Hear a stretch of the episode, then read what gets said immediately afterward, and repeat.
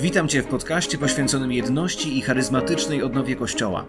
To przestrzeń, która łączy ludzi, szczególnie tych, którym nie wszystko jedno, a którzy są gotowi w swoich domach, miejscach pracy i wspólnotach wiary budować mosty, łamać uprzedzenia i odważnie służyć odnowie Kościoła. Jedność to nie opcja, to szansa. Nie tylko w kościele, ale też w naszych relacjach i społeczeństwie. Przekonaj się o tym i dołącz do społeczności ambasadorów jedności oraz tych, którzy pragną duchowej odnowy Kościoła w Polsce. Podpowiem Ci, jak to zrobić. Zapraszam. Karol Sobczyk.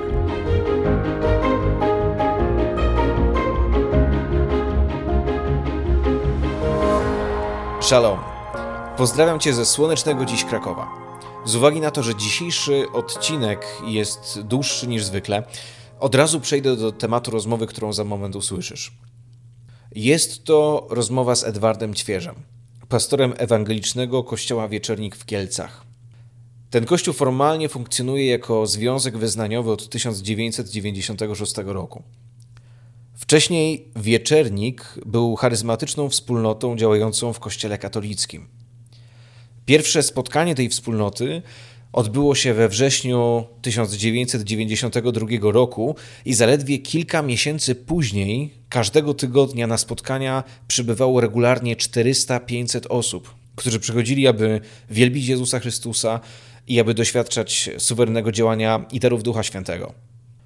Rok później wspólnota ta została wykluczona z Kościoła katolickiego a zaistniały podział odcisnął silne piętno dystansu i poważnych uprzedzeń, które aż do dzisiaj funkcjonują w polskim kościele, szczególnie w odniesieniu do całej rodziny charyzmatycznej. Za moment usłyszysz historię Edwarda. Możesz sobie wyobrazić, jak różne emocje towarzyszyły mi, gdy przygotowywałem się do tego właśnie nagrania, do tej rozmowy, a przygotowywałem się do niej naprawdę długo, bo wiedziałem, że zarówno ja, jak i pastor Edward podejmujemy ryzyko.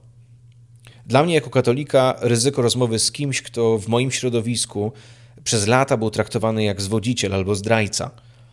Dla niego, jako dla protestanta, ryzyko podjęcia rozmowy z przedstawicielem kościoła, który niegdyś go wykluczył i publicznie potępił jego wspólnotę. A rany, zarówno po jednej, jak i drugiej stronie, jak wiesz, goją się długo.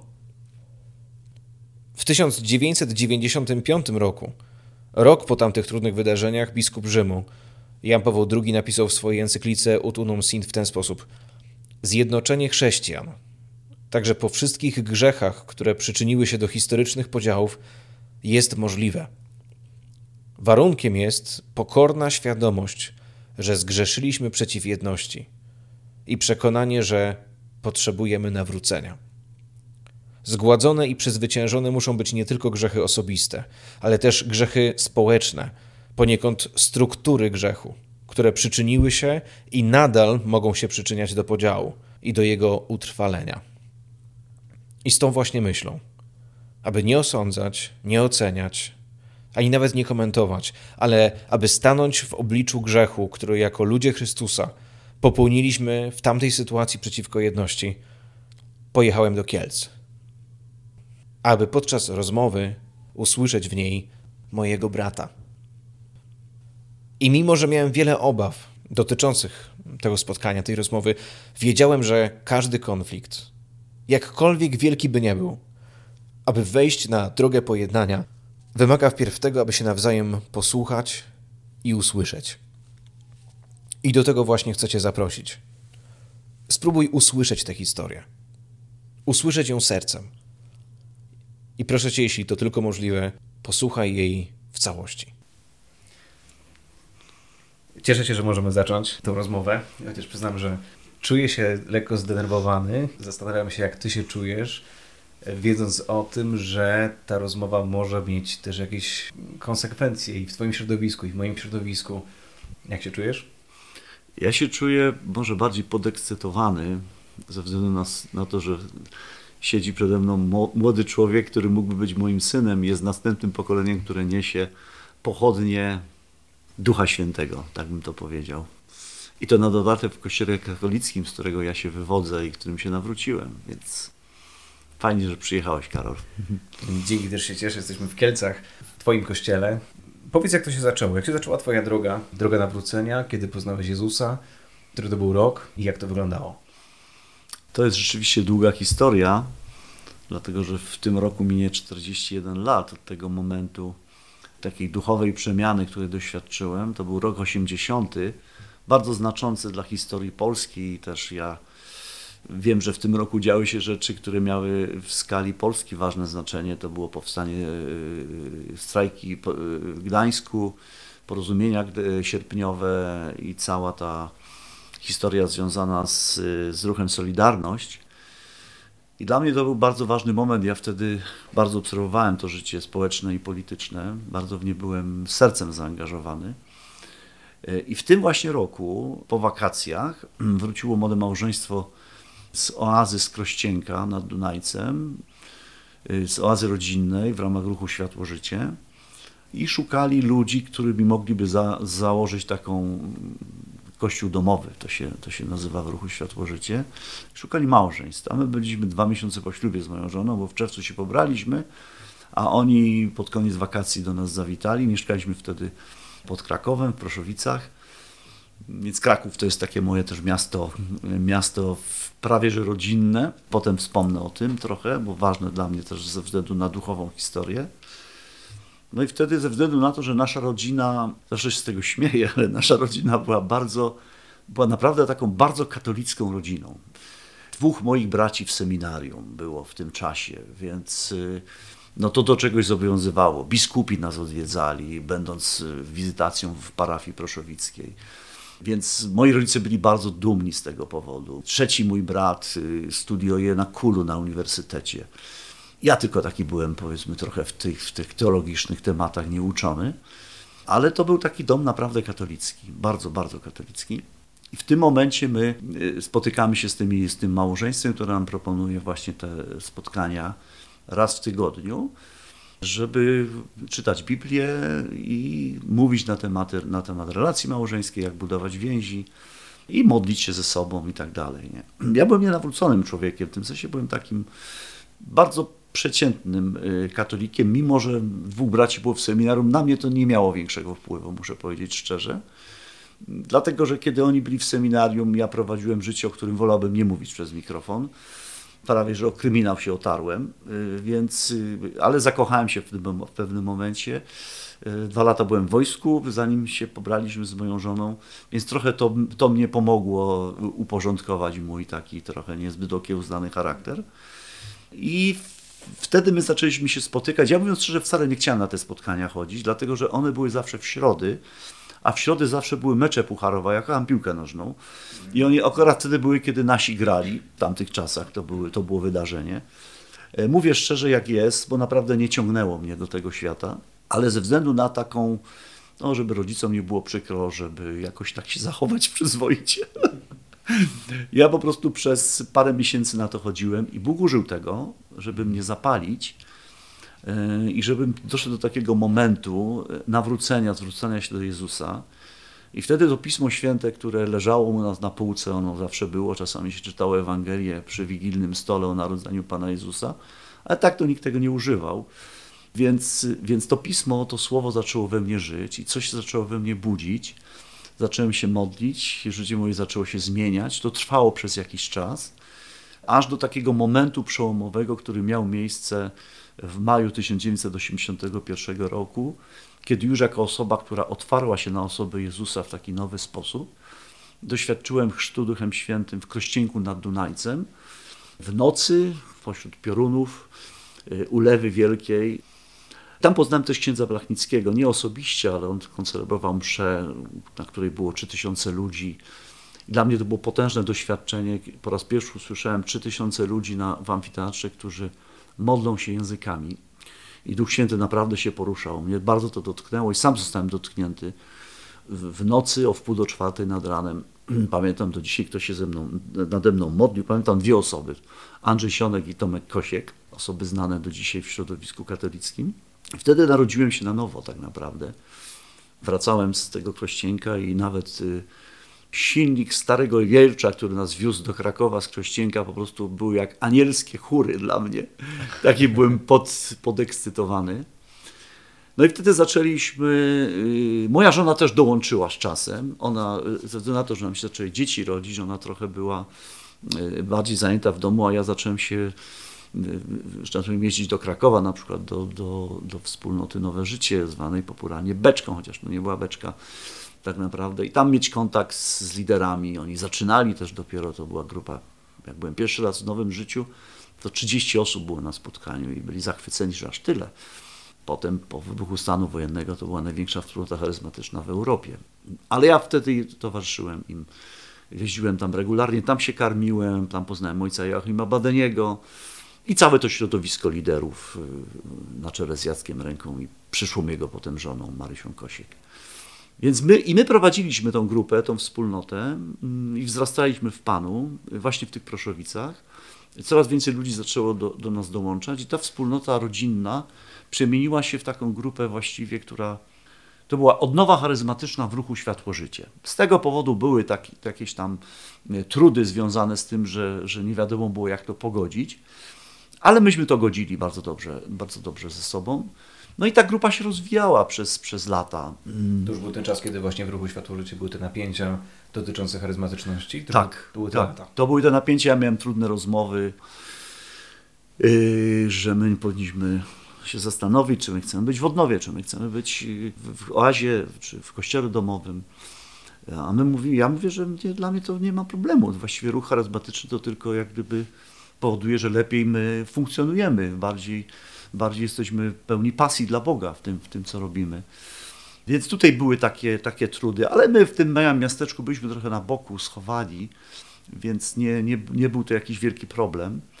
I się rozwijaliśmy. Ta grupa szybko rosła, jak na tamte czasy oczywiście, i, w końcu była tak duża, że się nie mieściła w, w domu, gdzie. Bo my się spotkaliśmy w domu mojego ojca, my tam mieszkaliśmy z moją żoną przez 12 lat. I ta grupa urosła już do rozmiaru 30 osób i no, nie było pomieszczenia, żeby, żeby się spotykać, więc udałem się do proboszcza, który niech go Bóg błogosławi, był niezwykle os- otwartą osobą y, i mówi, panie Edwardzie, ja to was w ogóle nie rozumiem, ale wy jesteście dobrymi ludźmi. I zgodził się nam dać salkę katechetyczną, jakiegoś księdza opiekuna. To było w waszej miejscowości. To było w naszej miejscowości, tak. I wtedy ta grupa tak oficjalnie wypłynęła też w- na, na forum takie parafialne, chociaż wszyscy nas znali i, i nawet ludzie podchodzili pod okna, bo byli ciekawi, y, co to za sekta tam się spotyka. I tak nas nazywali w tym małym miasteczku. My byliśmy sekciarzami przez cały czas, kiedy ja tam byłem. Nawet Czyli jeżeli... to samo właściwie doświadczenie, które, e, które dzieliła też często oaza, nie? bo ruch Tak. Życie też był nazywany w wielu miejscach sektą Tak, tak. e, i potem wspólnoty odnowy w Duchu Świętym, te pierwsze wspólnoty, które się pojawiły w różnych miastach też, e, też im szybko były przypisywane te łatki sekciarze. Tak, tak, tak, no dokładnie, wiesz, no jeżeli ja na przykład szedłem przez to małe miasteczko na mszę poranną z Biblią w ręce, no to było szokujące. Moi koledzy, z którymi prowadziłem kiedyś niezbyt grzeczne życie, mnie zaczepiali i mówili, że ich zdradziłem, nie? Co, chodzisz Biblią, kim ty jesteś? Świadkiem Jehowym? Więc ja ciągle miałem tego typu, tego typu sytuacje, ale byłem tak pełen pasji dla Boga, że właściwie nie było problemu dla mnie.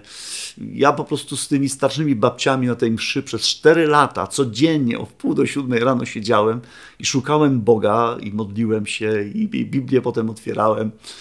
To był, to był taki czas, to były, to, były, to były naprawdę piękne, piękne lata. Ja do dzisiaj bardzo dobrze wspominam, dlatego że Pan Bóg tak rozgrzał moje serce, że nic mi nie przeszkadzało. A jak to doświadczenie Twojego nawrócenia wpłynęło na Twoją najbliższą rodzinę, na Twoich rodziców, na Twoje rodzeństwo? Moi bracia, dwaj, ci, którzy byli w seminarium, czyli Kazik Ćwierz, który potem z Blachnickim był w Karlsbergu i Michał, który jest katechetą do dzisiaj, kiedy mu podziękowali w seminarium, bo jednemu i drugiemu w pewnym momencie podziękowali. Używam najbardziej delikatnego określenia, jakie mogę użyć, ale mówiąc prosto, po prostu ich wyrzucili. Jeden został katechetą, a drugi z czasem wyjechał za granicę i tam został księdzem. Moi bracia, kiedy jeszcze byli w seminarium, mieli taką grupę, którą, którą nazywali świeczkowcy. Oni to wspominali czasami. Dlatego, że to była grupa kleryków, która się modliła, była przebudzona charyzmatycznie. Spotykali się razem, zapalili świece, to był taki zwyczaj wtedy, nie wiem jak teraz jest w oazie, ale myśmy mówili światło Chrystusa i w ten sposób zaczynała się modlitwa, uwielbienie, modlitwa za siebie. Bardzo, bardzo fajny czas. Więc oni się modlili dużo o moje nawrócenie, jeszcze jak ja byłem w wojsku. i pisali mi takie listy, których ja nie rozumiałem za bardzo, takie bardzo duchowe, nie? coś tam o Bogu i tak dalej. Nie? To bardzo dziwnie brzmi, bo ja codziennie chodziłem do kościoła czy co niedzielę, ale nie znałem Boga. Wiesz, to myślę, że dla wielu katolików jest to, jest to bliskie, którzy przeżyli taką, takie spotkanie z Jezusem osobiste. I oni wymodlili trochę to moje nawrócenie. Zresztą nie tylko oni, moja mama też, która się zawsze za nas modliła, za całą naszą czwórkę żeby byli dobrymi pierwsi. ludźmi. Proszę? Czyli to oni byli pierwsi, oni pierwsi. Oni się nawrócili, tak, tak, tak. spotkania z żywym Bogiem. Tak, później to... przez ruch Światło Życie, dokładnie, dokładnie. Oni poznali Blachnickiego. Czyli to oni się zachęcali do tego, żebyś podróżował do Krościenka i tak dalej? To oni... Nie, nie, nie. Oni, nie. oni wiedzieli, że ja ich nie posłucham. E, to się, to się stało przez, tych, y, przez to małżeństwo nauczycieli, którzy przyjechali w 80 roku z oazy z Krościenka i to oni nas zainspirowali, i to też nie od razu, trochę czasu potrzebowaliśmy. Dlatego, że ja byłem w takim miejscu, że ja potrzebowałem naprawdę złapać taki ogień od Boga. I trochę parę miesięcy zeszło, kiedy ja, kiedy nastąpił taki przełom w moim życiu, że, że pokochałem Pana Jezusa i Jego Słowo i, i modlitwę. E, I się zacząłem po prostu zmieniać. Nie? Więc to był, to był taki rok 80, 81, tak gdzieś do maja trwał ten czas y, kilku miesięcy takiego, takiej przemiany mojego serca. I potem myśmy zaczęli grupę domową, wracając do Twojego pytania. Y, zaczęliśmy się spotykać w domu od czterech osób. To były cztery osoby. To była katechetka z parafii, moja mama i taki Jurek, który przyszedł z tą, z tą, z tą ideą kościoła domowego. Myśmy zaczęli spotykać się i modlić się językami, doświadczać obecności Ducha Świętego. I do nas zaczęli dołączać moja żona, potem mój tata, bo mieszkaliśmy razem. Więc dla rodziny to było naturalne środowisko, w którym my po prostu wzrastaliśmy. A potem inni ludzie zaczęli dołączać po prostu. Myśmy dużo chodzili po moich kumplach, z którymi ja prowadziłem kiedyś takie niezbyt ładne życie. Dwóch z nich się nawróciło, więc oni przychodzili też z żonami. I to się, to się tak powoli po prostu w tym małym miasteczku rozrastało, cały czas w otoczce tej, tej sekty, chociaż my byliśmy na mszy. I kiedyś biskup przyjechał, bo ksiądz, który chodził po kolędzie, mówi, słuchaj Edward, nie wiem, czy to puścisz, ale mówi, słuchaj, bo chodzę po kolędzy i wszyscy mi wytykają, że ja się opiekuję sektą w kościele, nie? bo on był naszym opiekunem. Bardzo sympatyczny młody, młody człowiek. I mówi, słuchaj, mam taki pomysł, zaprosiły biskupa, żeby przyszedł, przyjechał, odprawił mszę dla was i ogłosimy to w parapii, że to grupa oazowa, mam mszę. Mówi, żeby ludzie nie gadali na was sekta, mówi, bo to w każdym domu mi tak mówią. Więc ten biskup przyjechał, odprawił mszę, mieliśmy świetne spotkanie, mm, świętej pamięci biskup Jaworski już nie żyje. I naprawdę no, on znał też naszą rodzinę, wiedział kim jesteśmy, o moich braciach, bo był wtedy tutaj biskupem, kiedy oni byli w seminarium. I po tej kolędzie potem dalej chodzi ten ksiądz, przychodzi do mnie i mówi, słuchaj, jestem załamany. Wszyscy dalej mówią, że wy jesteście sektą, tylko że biskup odwiedził sektę i miał specjalną, tajemniczą mszę dla nich.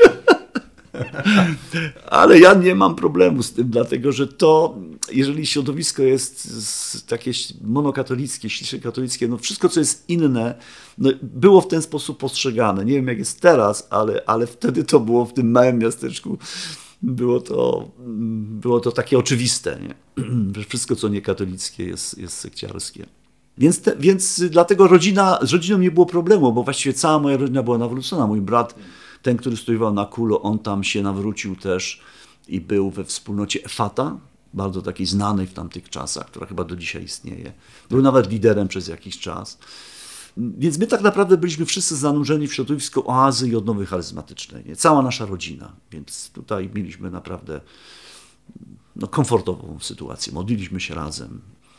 Też dobrze wspominam ten czas. Mhm. I w tamtym czasie też uczestniczyłeś jeszcze w spotkaniach Nowego Życia jednocześnie? Czy to było tak, tak, tak, tak, tak. I, i, I, głównie ja, bo moja żona się zajmowała dziećmi, a te spotkania były późno w Krakowie.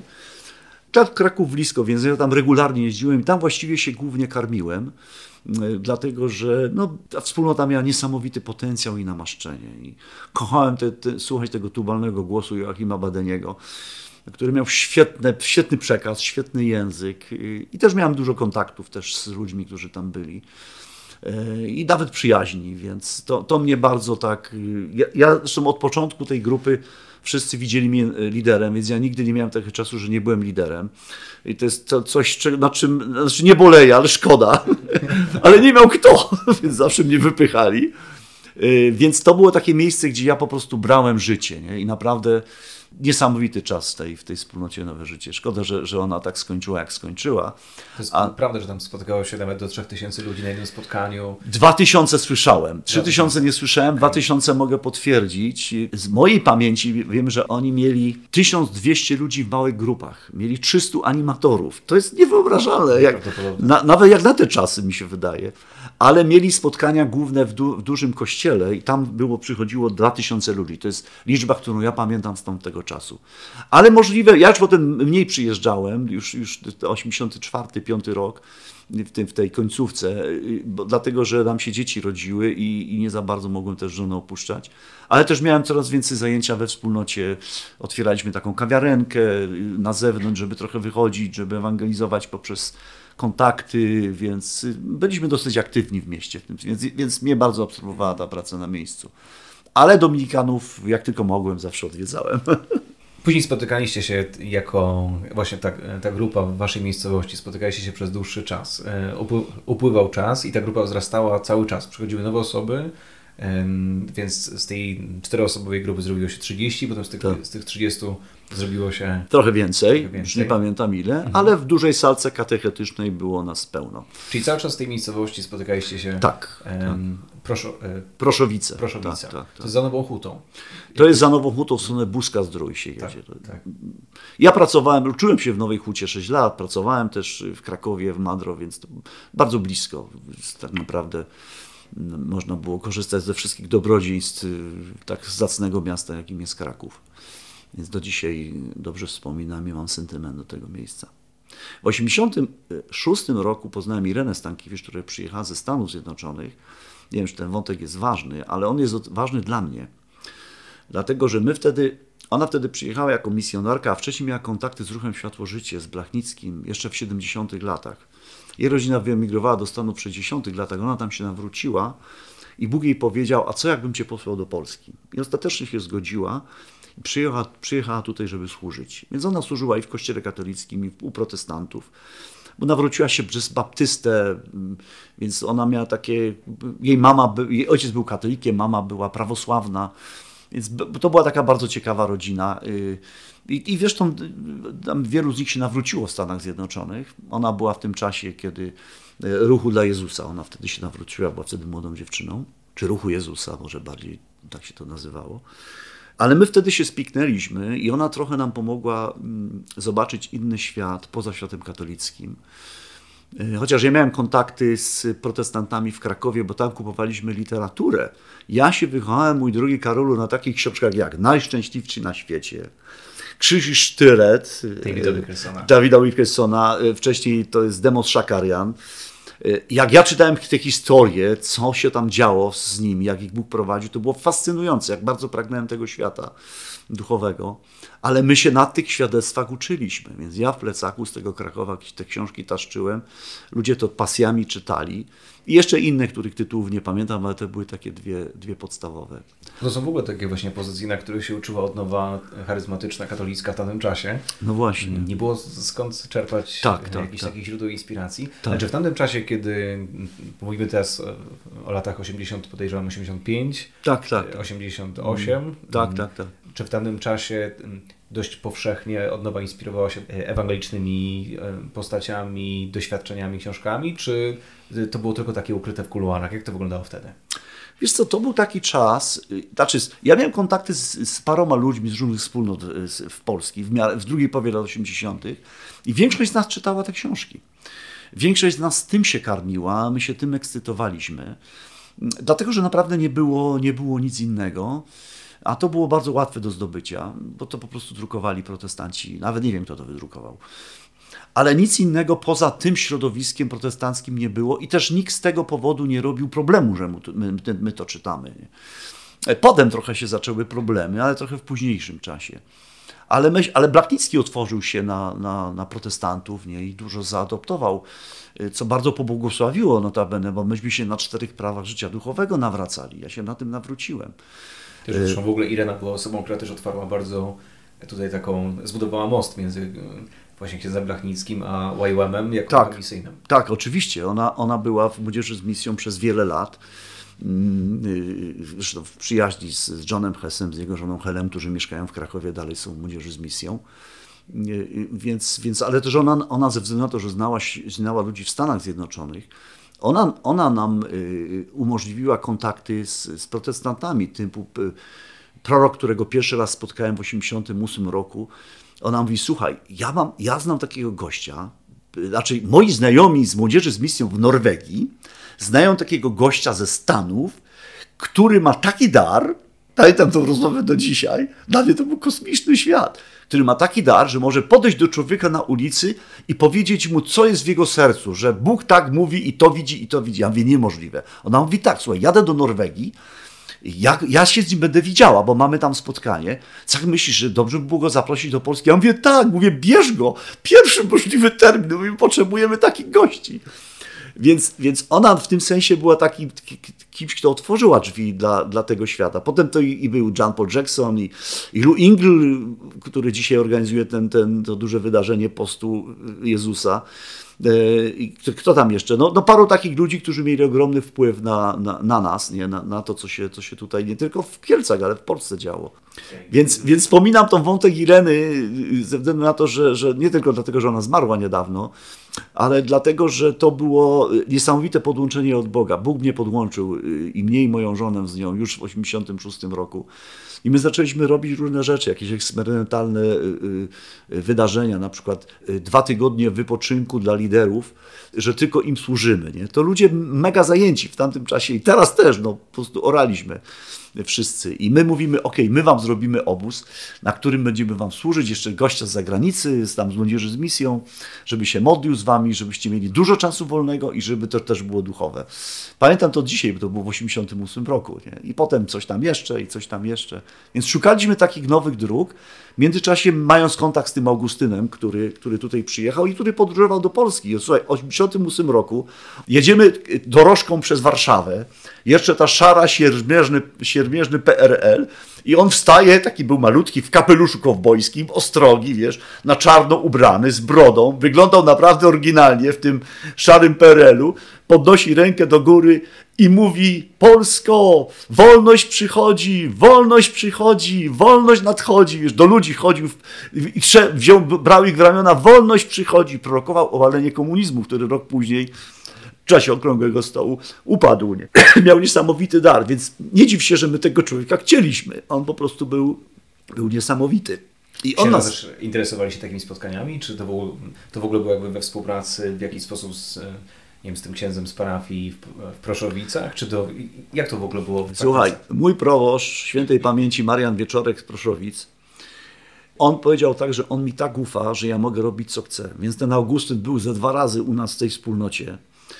Księdza wtedy żadnego nie było, bo rzadko się pojawiał ksiądz, bo nie musiał na to chodzić, nie? Więc, więc nie chodził. Poza tym wszyscy opiekunowie, których mieliśmy, oni nie podzielali naszego doświadczenia. Nie? Nie, nie, nie mieli takiego doświadczenia jak my. Czyli powiem tutaj coś, co może być trudne w przypadku księdza, że nigdy nie doświadczyli chrztu Duchem Świętym. Ja rozpoznawałem to po tym, że oni mnie traktowali dobrze, bo byłem osobą bardzo taką, chciałem służyć w parafii jak najlepiej i proboszcz za mną stawał, nie? Więc w tym sensie, no ktoś musiał się nami opiekować, bo ktoś taki musiał być. Ale czasami on przychodził i sobie coś tam czytał, wiesz, i, przesiedział na spotkaniu, w ogóle się nie włączał w to, co się dzieje, bo nawet nie wiedział jak, nie? Więc my się cieszyliśmy, że mamy wolność, nie? I ten Augustyn przyjechał, jeszcze inni przyjeżdżali z, z protestantów do tej małej miejscowości i po prostu nam służyli i w ogóle nie było problemu. My nie chcieliśmy ani wyjść z kościoła, ani się przechrzcić, ani nic takiego zrobić. Cudowny czas. Dużo była, dużo była wolność. Aż do pewnego momentu oczywiście. Mówisz, że aż do pewnego momentu, to znaczy, że coś musiało się stać pomiędzy tą taką szeroką wolnością. Ja też słyszałem o tym, że w tym mhm. czasie w wielu miastach przyjeżdżali ewangeliczni bracia, którzy inspirowali, zachęcali, mm pokazywali jakieś kierunki które, które umożliwiały wzrost katolickiej dowie charyzmatycznej, szczególnie u jej początków, nie? To, mm. szczególnie w tamtym czasie, ale później coś się zaczęło zmieniać. Później pojawiła się pewna zachowawczość i ostrożność. Mm.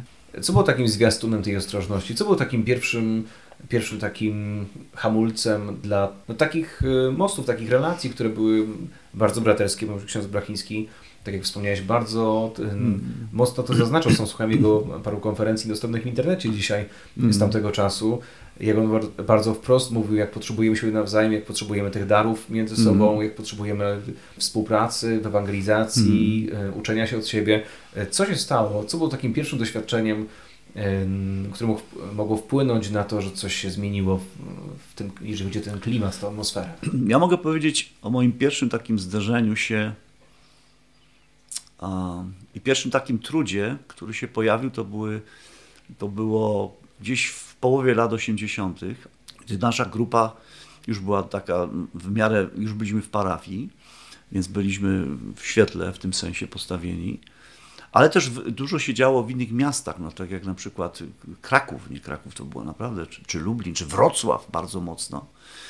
E, ludzie zaczęli doświadczać darów Ducha Świętego i pamiętam taki moment, bo w diecezji kieleckiej właśnie w tamtych latach zabroniono modlitwy językami, że to jest coś podejrzanego. I to zabronił biskup. Ja wtedy pamiętam, y, y, spotkałem się z Andrzejem Siąkiem, mówię, słuchaj Andrzej, co my mamy zrobić? Nie? Bo biskup oficjalnie, yy, znaczy oficjalnie, to było, sło, to było ustne, ale doszło to do nas, że nie wolno modlić się w grupach charyzmatycznych językami. Ja mówię, ja się zastanawiam, co my mamy zrobić w tych proszowicach z tym fantem. A on mi się pyta, czy, czy to jest na piśmie, czy jest to oficjalnie przez biskupa napisane. Ja mówię, nie. A on mówi, słuchaj, no to jeżeli nie ma tego na piśmie, no to tylko ktoś ci to powiedział. Nie? Poza tym no, powinno to być na, pis na piśmie. Ja wtedy wiedziałem, że chyba biskup się nie odważy tego na piśmie powiedzieć, dlatego że bardzo łatwo można było to biblijnie zweryfikować, nie? ale jakiś lęk przed, nie wiem, przed zjedzeniem może. Wiesz, ja do końca nie wiem, bo mnie nigdy oficjalnie nikt tego nie powiedział. Ja tylko wiem, co się wydarzyło, kiedy, kiedy wieczernik się kończył. To wtedy to było dosyć oczywiste, bo w tym uczestniczyłem bezpośrednio, ale już w tym naszej historii kieleckiej Mm, kiedy już tu się przeprowadziliśmy. Natomiast te wspólnoty się dosyć mocno rozwijały i no to, co się stało w Krakowie z, z, z Nowym Życiem, myślę, to, by warto było zbadać, bo to była bomba, y, która naprawdę wybuchła z wielkim hukiem i odpryski do dzisiaj jeszcze tego są. Bo to była zbyt wielka i zbyt znacząca wspólnota i ona tak naprawdę została no, zminimalizowana i zneutralizowana. I to się stało przez ludzi, którzy mieli duchową odpowiedzialność za nią. I Dominikanie to są konkretne osoby. I tam były bardzo dramatyczne historie. Ja spotykałem ludzi przez wiele lat, którzy byli tak stranieni, y, sposobem, w jaki ta wspólnota była potraktowana przez, przez przełożonych. Bo to jeżeli dobrze pamiętam tą historię, ja tylko z opowieści, mm -hmm. z lektur, z, też z wywiadu, czy właściwie z biografii ojca Badaniego miałem okazję mm -hmm. gdzieś przeczytać więcej na ten temat ale jeśli dobrze pamiętam, to to się właściwie stało, można powiedzieć, z dnia na dzień. Tak. W sposób taki bardzo ostry, bardzo radykalny. Zgadza po jednej z mszy tak. Jacek Ręka, który wychodził wtedy, żeby mm, słysząc wpierw księdza, mm. który powiedział, że nie będziemy się już spotykać mm.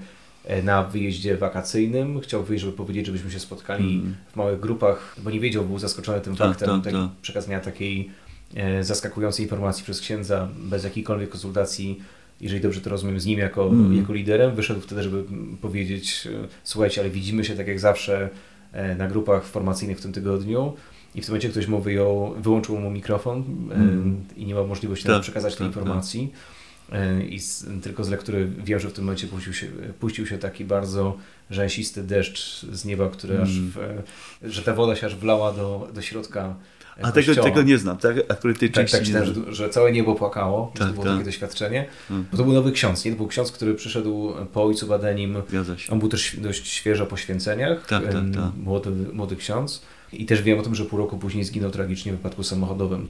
Dla ludzi, którzy znali tą historię, słyszeli to, było to tak wstrząsające, wzbudzającą bojaźń przed Bogiem, nie? że naprawdę to nie są przelewki, zatrzymywanie tego, co Pan Bóg robi, nawet jeżeli tego nie rozumiemy. Bo myślę, że języki, tak jak w moim przypadku, to nie było w tym dramatu, nie? bo my byśmy jakoś bez tych języków dali radę.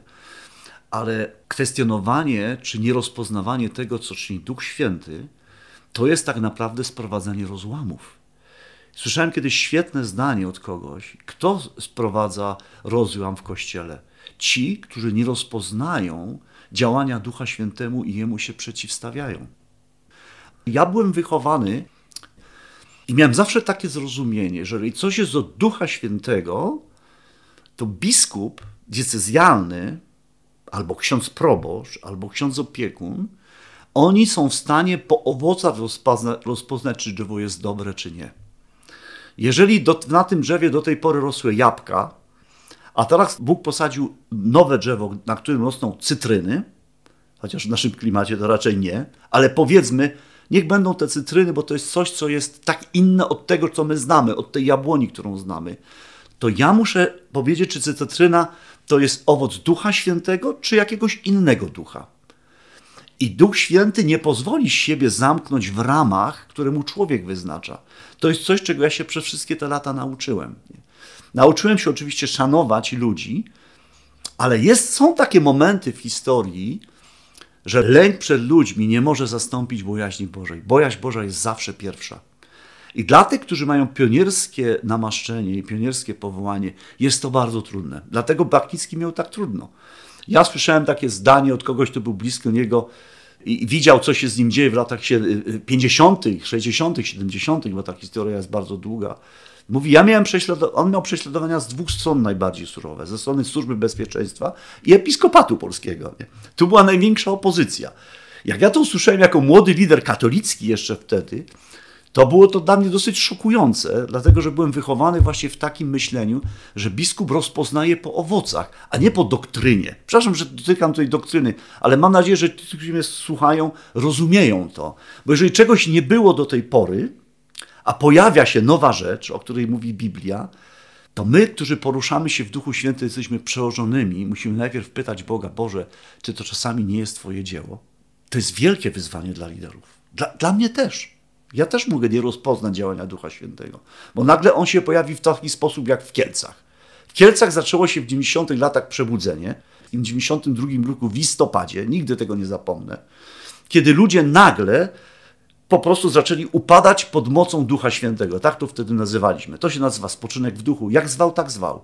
Nikt tego nie planował, y, nikt ludzi nie pchał, po prostu to się zaczęło dziać. Ale Bóg użył tego, żeby ściągnąć młodych ludzi do wieczernika na skalę taką, że myśmy tego nie ogarniali. To było 600 ludzi w szczytowym momencie w sali kinowej, w takim starym kinie w, y, w, w Domu Kultury.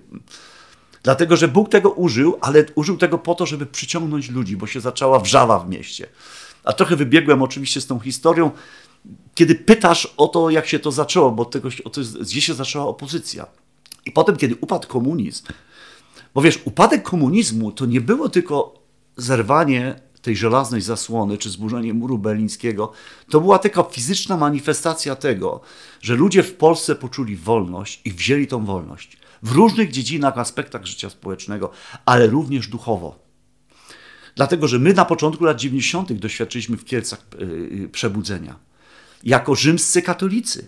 My nigdy nie chcieliśmy wychodzić z kościoła katolickiego. To nie był nasz zamiar. Bóg tylko nam powiedział, żeby zakładać wspólnotę. Nie? Augustyn to nazywał Kościół, nie? ale ja mówię, a my, my jesteśmy w kościele Augustyn, nie? To, to prorok Augustyn. Ja potem to zobaczyłem, y, że gromadzą się wokół nas młodzi ludzie, oni potrzebują mieć ojców i potrzebują mieć liderów, którzy będą ich prowadzić, bo się nawracają do Pana. Nawracają się dzięki naszej służbie. Tutaj różne rzeczy robiliśmy w Kielcach. Więc w ten sposób powstała wspólnota, która która spotkała się po raz pierwszy 4 września 1992 roku w sali w domu księży emerytów, tutaj przy ulicy Dziewięciu Wieków, która się nazywała Wieczernik. Myśmy wtedy jeszcze nie wiedzieli, że tak się będziemy nazywać, bo my w ogóle nie potrzebowaliśmy takiej nazwy. Po prostu spotykaliśmy jako wspólnota, bo się znaliśmy, mieliśmy relacje z ludźmi. Więc, więc, więc i, i, tak się to zaczęło. Dwa miesiące potem zaczęło się upadanie w, w duchu.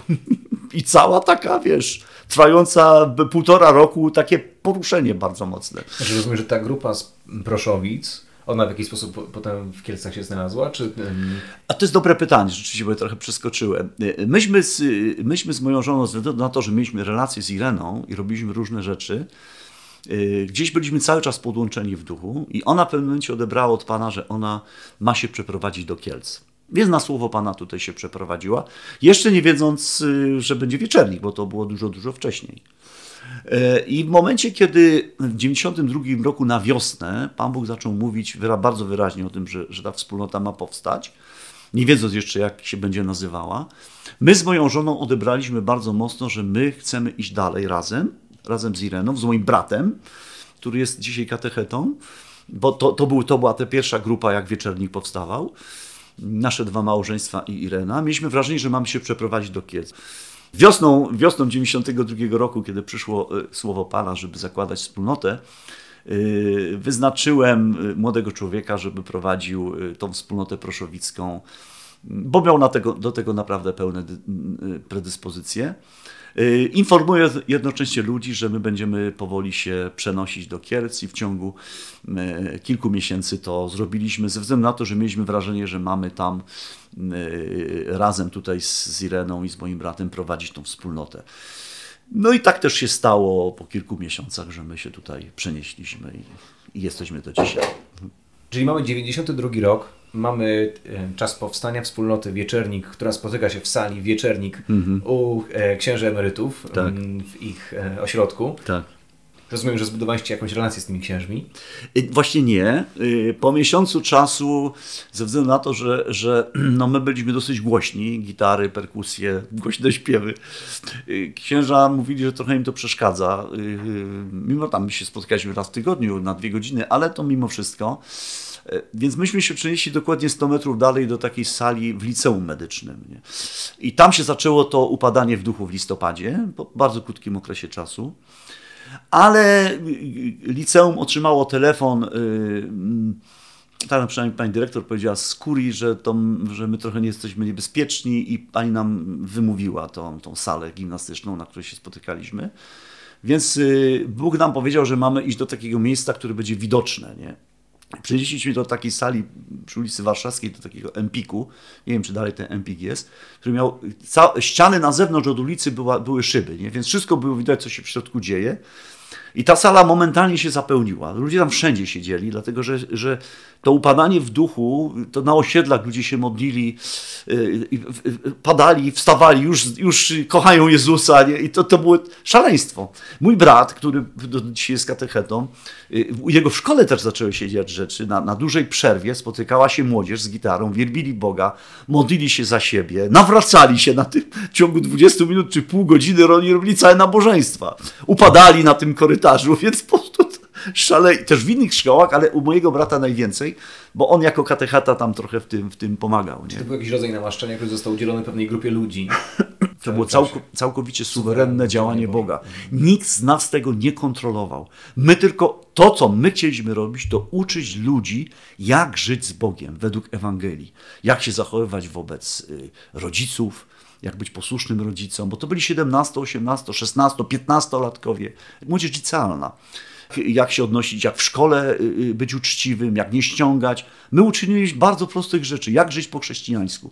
To było nasze główne powołanie, główne zadanie na tamten czas. I takich podstawowych biblijnych rzeczy, jak relacja z Jezusem, jak czytanie słowa, tego typu rzeczy. I w tym uczestniczyli też księża w pewnym czasie.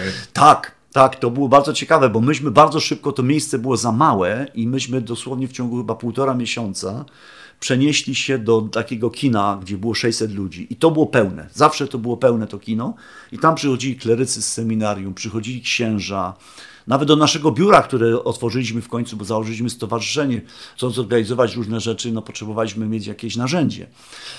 Więc to było Stowarzyszenie Nowy Początek i nawet do naszego biura przychodzili księża czy klerycy, prosili o modlitwę, więc my się za nich modliliśmy, tam takie, takie duszpasterstwo prowadziliśmy dla wszystkich chętnych. Nie oni wiedzieli, że my jesteśmy stary liderzy z odnowy, bo Mirek to odnowa charyzmatyczna, Jacek z seminarium, by, były kleryk. Ja prowadziłem wspólnotę już 12 lat i też tu w diecezji ludzie wiedzieli, co my tam robimy. Więc w tym sensie to było takie grono doświadczonych już liderów, chociaż jeszcze jak te lata młodych, no bo to byli ludzie 30-paroletni dopiero. Nie? I tak to się, i tak to się zaczęło. To był taki moment niesamowity, nie? dlatego że był nawet jeden taki ksiądz, który był bardzo blisko z nami. On po prostu bez przerwy u nas siedział. Był młodym księdzem jeszcze i podzielał to, co, to, co my robimy. To jest dosyć ważna postać. I w 1993 roku mieliśmy wrażenie, że mamy, e, że mamy zorganizować konferencję ogólnopolską i ze względu na to, że mieliśmy relacje w odnowach, y, grupach odnów i, i, i ruchu Światło Życie, wszyscy mieliśmy relacje. Po prostu zrobimy taką konferencję i mieliśmy wrażenie, że ona się ma nazywać Złap Ducha. Bardzo fajna nazwa, taka trochę może, może luźna, yy, ale ona nam bardzo przypasowała. I na tą konferencję zaprosiliśmy właśnie tego Augustyna Alcale, tego proroczego człowieka, który tutaj w Polsce na przełomie 80., 90. lat trochę, trochę przebywał. Zaprosiliśmy to małżeństwo z Norwegii, które znało tego Augustyna, które, które z młodzieży z misją.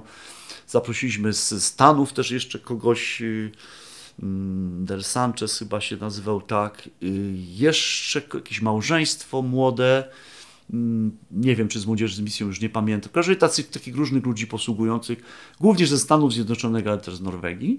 I przyjechał cały zestaw ludzi. I ta konferencja była w listopadzie 1993 roku. I na tą konferencję przyjechało tak dużo ludzi, że my byliśmy zszokowani. E, wynajęliśmy dużą salę, największą wtedy salę taką, taką sportową.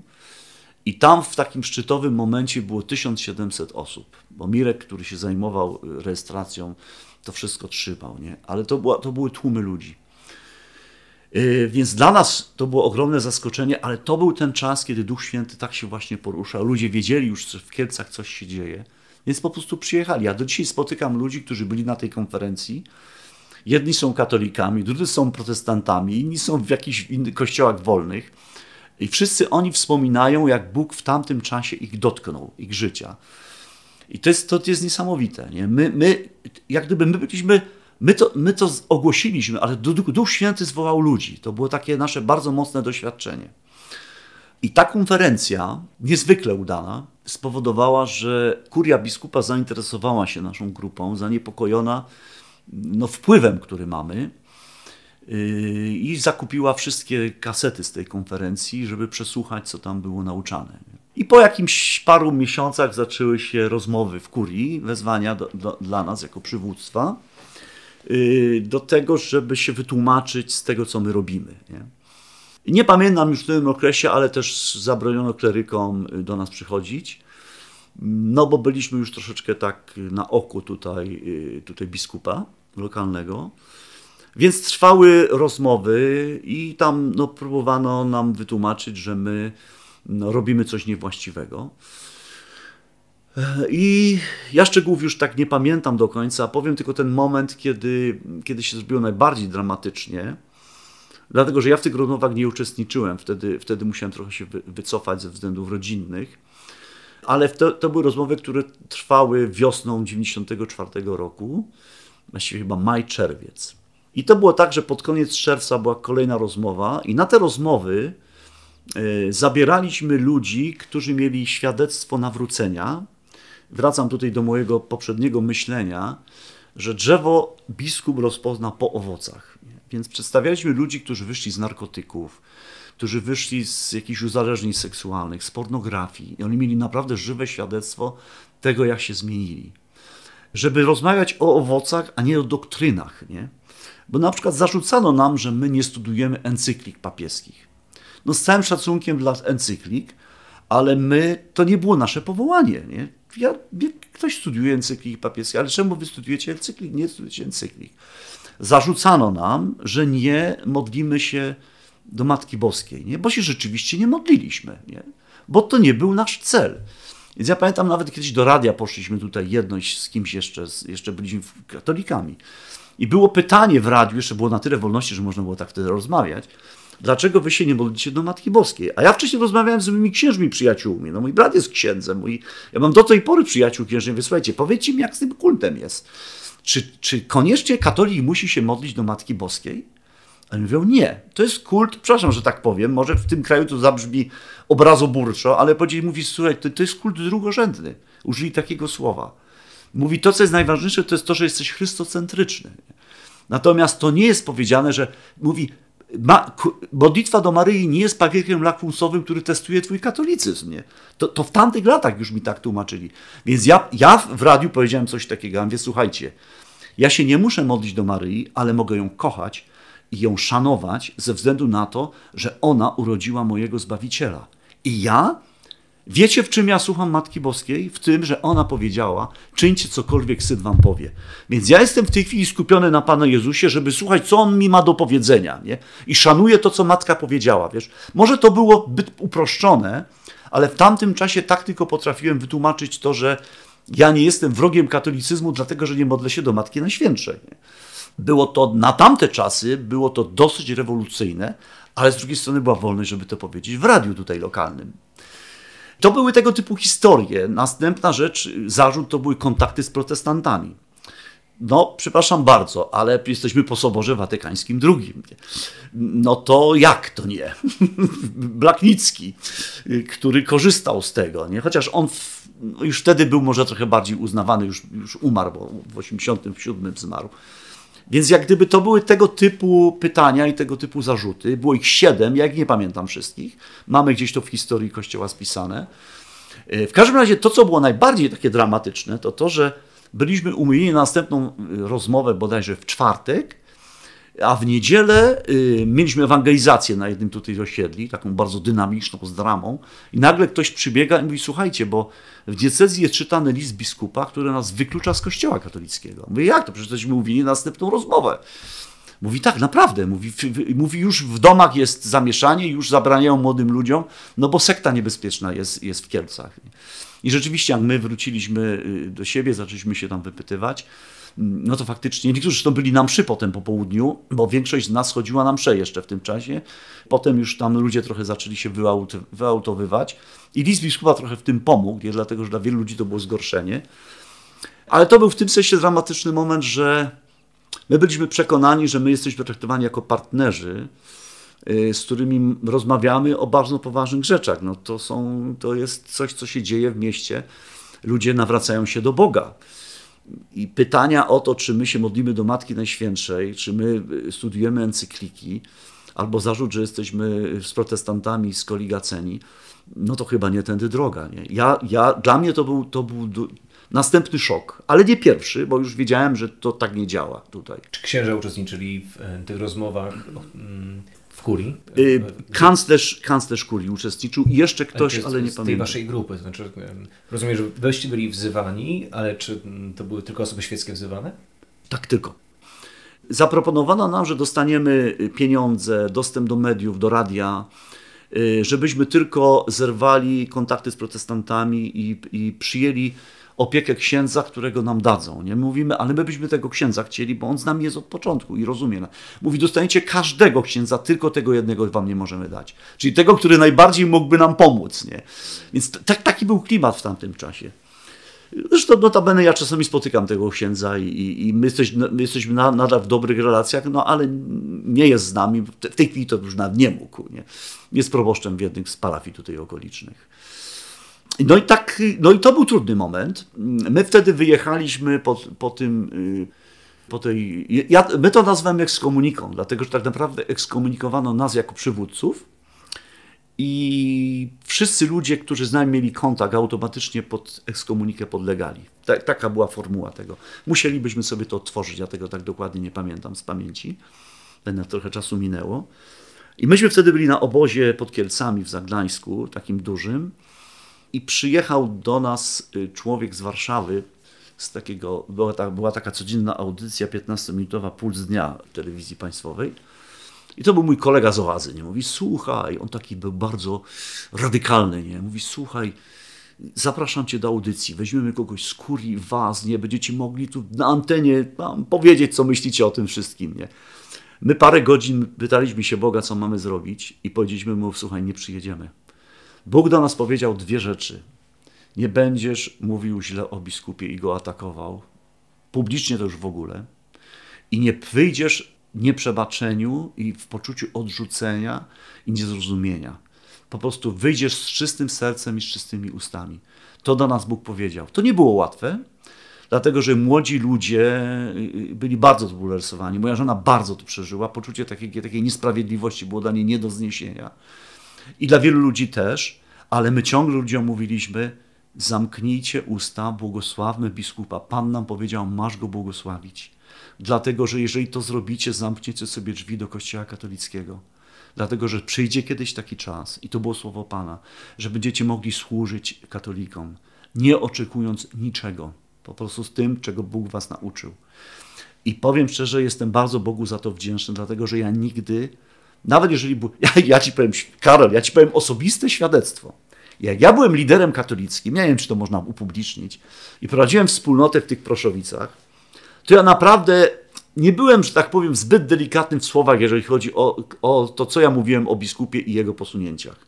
Kiedy przestałem być w strukturach rzymskokatolickich, chociaż zawsze mówi, że jestem katolikiem, tyle że nie rzymskim, to naprawdę Pan Bóg mnie zabronił to robić, dlatego że miałem w sobie bojaźń, bo widziałem, już wtedy widziałem, jak wielu ludzi, protestantów, źle skończyło, dlatego że Kościół katolicki uważali za wielki Babilon, za nierządnicę, i wszystko, co robili, to jest złe w Kościele katolickim. Łącznie z tym, że prawdziwe nawrócenie polega na tym, że trzeba wyjść z Kościoła katolickiego. No ja przepraszam bardzo, ja myślałem, że jak przychodzisz do Jezusa, to prawdziwie nawracasz. Ale oczywiście trochę się śmieję z tego, ale, ale naprawdę słyszałem tego typu, tego typu teksty. Nawet w tym okresie krakowskim, kiedy, kiedy tam też protestanci przychodzili. Już nie chcę tego mówić, bo to zbyt świeża historia, ale byłem zszokowany jako katolik, co protestanci mówili na temat katolików. Ja byłem katolikiem, no hello, ja znam Jezusa, ja, ja jestem, mam, mam tą pas, samą pasję dla Niego, co wy. Dlaczego wy chcecie, żebym ja był tacy jak wy, jak, jak chcę być taki, jak Pan Jezus chce, żebym był. I, i, to był, I to był bardzo trudny moment dla wielu ludzi. My wtedy zebraliśmy młodych ludzi i powiedzieliśmy do nich tak, słuchajcie, ze względu na to, że wasi rodzice płacą wasze, wasze rachunki, yy, was żywią, mieszkacie w domu, nie jesteście samodzielni, jeżeli wasi rodzice są zbulwersowani, zapokojeni was zabraniają wam przychodzić do nas, po prostu macie być poddani rodzicom. To jest numer jeden. Relacje z Jezusem zawsze możesz mieć. Poza tym jest tutaj wspólnota katolicka, która bardzo dobrze y, prosperuje, po prostu możecie tam do nich pójść. Y, I taki komunikat y, daliśmy do ludzi, prosząc ich o to, żeby starali się zachować swoje usta w czystości i swoje serce w czystości. I nie byli, nie byli przeciwko, nie? że to jest część jakiegoś pakietu, w którym jesteśmy. I daliśmy ludziom całkowitą wolność. My się spotkaliśmy jako przywództwo i musieliśmy sobie odpowiedzieć na jedno pytanie: co my robimy dalej? Czy my idziemy dalej z tą garstką ludzi, która ewentualnie zostanie, czy my po prostu zgadzamy się na te wszystkie warunki, które nam postawiono, i każdy musiał przed Bogiem sobie na to pytanie odpowiedzieć. I, I, to nie był łatwy moment. Dla mojej rodziny był to mega trudny moment. Ja mam w tym całe świadectwo, co się z moimi rodzicami dało, szczególnie z moim ojcem. ojcem. Ale ja wiedziałem ze względu na to, że Pan Bóg. Ach, że nie mam do biskupa żadnego żalu ani uprzedzenia, ani do nikogo, kto nas atakuje, bo media zaczęły się nam interesować. I, I, dużo było złej mowy wokół tego, co się wydarzyło. I to naprawdę nas dużo kosztowało. Musieliśmy chronić swoje serca w tamtym czasie wyjątkowo. E, ja wiedziałem, że bardziej mam słuchać Boga niż, niż, niż człowieka w tym przypadku. Jakkolwiek jest to może trudne do przyjęcia, ale w swoim sumieniu wiedziałem jedno: nie mogę nic czynić, co jest wbrew mojemu przekonaniu. Chociaż dwóch moich braci było w seminarium, jeden brat jest na kulu. Kiedy ja podzieliłem się z tą, tym, tą historią z moim bratem, y, który jest w Niemczech, z Kazikiem, który był w Lachnickim, pamiętam wtedy byłem zaraz, krótko po, tej, po tym wykluczeniu z kościoła byłem w Niemczech i spotkałem się z nim gdzieś tam po drodze, bo on nie miał czasu i tak chwilę gadaliśmy, mówi, słuchaj, coś tam dzieje. Ja mówię, no, no wiesz, wyrzucili nas nie, z tego i z tego powodu. Ty mówi, ty, to jest to samo, co zrobili ze mną. Mówi, to jest wyrzucanie dziecka z kąpielą. Mówi, oni wyrzucili z seminarium, przepraszam, że mówię oni, ale wyrzucono z seminarium najlepszych kleryków, niektórzy mieli najlepsze rokowania, żeby być z panowymi księżmi. Mówi, to jest jakiś taki duchowy mechanizm. Ja mówię, no jest to taki duchowy mechanizm. Mm. Stawał w naszej obronie taki biskup Bronisław Dąbrowski, y, Dębowski, przepraszam bardzo, bo wiem to z przekazu innych ludzi. Jeszcze jakiś jeden biskup na episkopacie, nie? Że, że nie należy tego robić, że się nie powinno, ale biskup miejsca ma, miał, miał wolność, żeby to zrobić. Tym bardziej, że on był, ten biskup, który nas wykluczył, biskup Ryczan, on był krótko po zmianie y, biskupstwa, bo biskup Szymecki, który prowadził tą sprawę, został przeniesiony do innej diecezji, nie pamiętam do jakiej, i biskup Ryszard został, więc on niejako dostał w spadku ten, ten, ten wieczernik. No i podjął taką decyzję, jak, jaką podjął. Wiem, niedawno się dowiedziałem, że żałował tej decyzji. Mówi, gdybym miał tą mądrość, którą mam dzisiaj, to nigdy bym tego nie zrobił. Nie mogę powiedzieć, gdzie to powiedział i komu, ale myślę, że Pan Bóg powiedział mi to w tym, ja to w tym roku się dowiedziałem, parę miesięcy temu. Ja myślę, że to dla mnie to osobiście było ważne świadectwo tego, że, że ten człowiek jakoś miał serce takie złamane do tej sytuacji. I po, powiedział, że, że nawet ta, ta wspólnota, która była, y, ta, ta druga wspólnota, dał im po prostu więcej wolności i nie miał już takiej potrzeby, żeby sprawdzać, co oni robią, ze względu na to, że gdzieś zrozumiał, że, że to była zbyt szybka i pochopna decyzja, zresztą podjęta w trakcie rozmów, więc to też było no, takie nieeleganckie trochę. Nie? Naprawdę chcę być jak najbardziej delikatny w tym, ale muszę powiedzieć, że to nie był łatwy moment dla nas. Nie? To było bardzo trudne. Ja widziałem, jak to moja żona przeżywała, ile ją to kosztowało. Ale byliśmy w tym zgodni, że mamy po prostu iść i być wierni Chrystusowi w tym, do czego On nas powołuje. I zostawić po prostu tą, tą, tą historię za sobą. No i w 1996 roku dalej działaliśmy, zaczęliśmy wydawać Morning Star, no i trochę później, w 1996 roku ze względu na to, że były takie prawne możliwości, założyliśmy y, związek wyznaniowy w lutym i, i zostaliśmy pastorami. To słowo do dzisiaj brzmi dla mnie obco. I w tym sensie czuję się dalej bardziej katolikiem niż protestantem, chociaż już może mniej katolikiem, ale też nie bardziej protestantem. Dalej nie lubię tych wszystkich tytułów. No, gdzieś my jesteśmy, no tacy jesteśmy po prostu. O jedną rzecz chciałbym dopytać, tak? czy jak już e, zostało ogłoszone w niedzielę, mhm. że jesteście sektą, że jesteście zagrożeniem dla Kościoła katolickiego i nie powinno się mhm. uczestniczyć w waszych spotkaniach i ci, którzy będą utrzymywać z wami relacje, też mhm. znajdą się poza Kościołem. Czy wy potem podejmowaliście jakąkolwiek próbę jeszcze rozmowy, albo ktoś z Wami podejmował próbę rozmowy, czy to po prostu usłyszeliście o tym i to był już definitywny koniec jakiejkolwiek relacji e, z hierarchicznym Kościołem katolickim? Mhm. Na ten moment to był koniec. Nie? My nie widzieliśmy możliwości przejścia nie? Z, z nikim. E, nieoficjalnie jacyś księża nam wyrażali sympatię, ale mówili, my nie chcemy e, wprost was popierać. I to było bardzo przykre, dlatego że niektórzy moi przyjaciele, na przykład liderzy katolicy, też nie chcieli się do nas przyznawać, nie chcieli przyjeżdżać nawet do nas, ze względu na to, że bali się, żeby ich nie posądzono, że, że są z tymi ludźmi takimi niewłaściwymi, nieprawymi. Więc to, był, to było właśnie najbardziej przykre, prócz reakcja rodziny. Ale e, reakcję moich rodziców jestem nawet w stanie zrozumieć, ze względu na to, że dla nich katoli bycie katolikiem to było, to było wszystko, to był cały świat. Nie bycie katolikiem to była zdrada Pana Jezusa. Tak rozumieli. Ja z nimi na ten temat rozmawiałem i nastąpiło pojednanie i to jest jak gdyby taka moja osobista też historia związana z tym. Ale, ale dopiero po jakimś czasie Irena napisała list taki do biskupa, napisała taki list takiego ukorzenia i takiego przeproszenia za to, że przez to, co się wydarzyło, zadaliśmy ból wielu ludziom, którzy wcale nie muszą utożsamiać się z tym, jakby idziemy, i wcale nie muszą rozumieć tego, co my zrobiliśmy, i mają prawo mieć taki, tak jak mój ojciec, on ma prawo mieć takie myślenie. Ja zresztą powiedziałem moj, mojemu ojcu, ja rozumiem Twój ból, absolutnie go rozumiem. Pewnie na Twoim miejscu bym miał podobnie, że jestem zdrajcą, ale daj mi wolność, żebym poszedł tak, jak uważam. Jestem dorosłym już człowiekiem, mam 37 lat i, i, i chcę iść tak według tego przekonania i służyć Bogu tak jak, tak, jak ja czuję, że powinienem to robić. Nie? Bez, y, bez strzynienia sobie wrogów gdziekolwiek, gdziekolwiek by, by oni mogli być. Irena ten list napisała, ale nie było oczywiście żadnego, żadnego, żadnej reakcji na to. I w tamtym czasie chyba najwięcej, nic więcej nam do głowy nie przyszło. My po prostu zaczęliśmy się zajmować budowaniem tej wspólnoty, tego kościoła. Myśmy wystarczająco dużo dużo pracy w tamtym czasie. Problemów I problemów, tak, i problemów cały czas różnych bardzo. I tak się to potoczyło, aż do tych ostatnich lat, które coś znowu uwolniły w tym, w tym całym ruchu pojednania, czy takiego budowania relacji z katolikami. Ja nie, nie, nigdy nie straciłem relacji z niektórymi ludźmi z Kościoła katolickiego.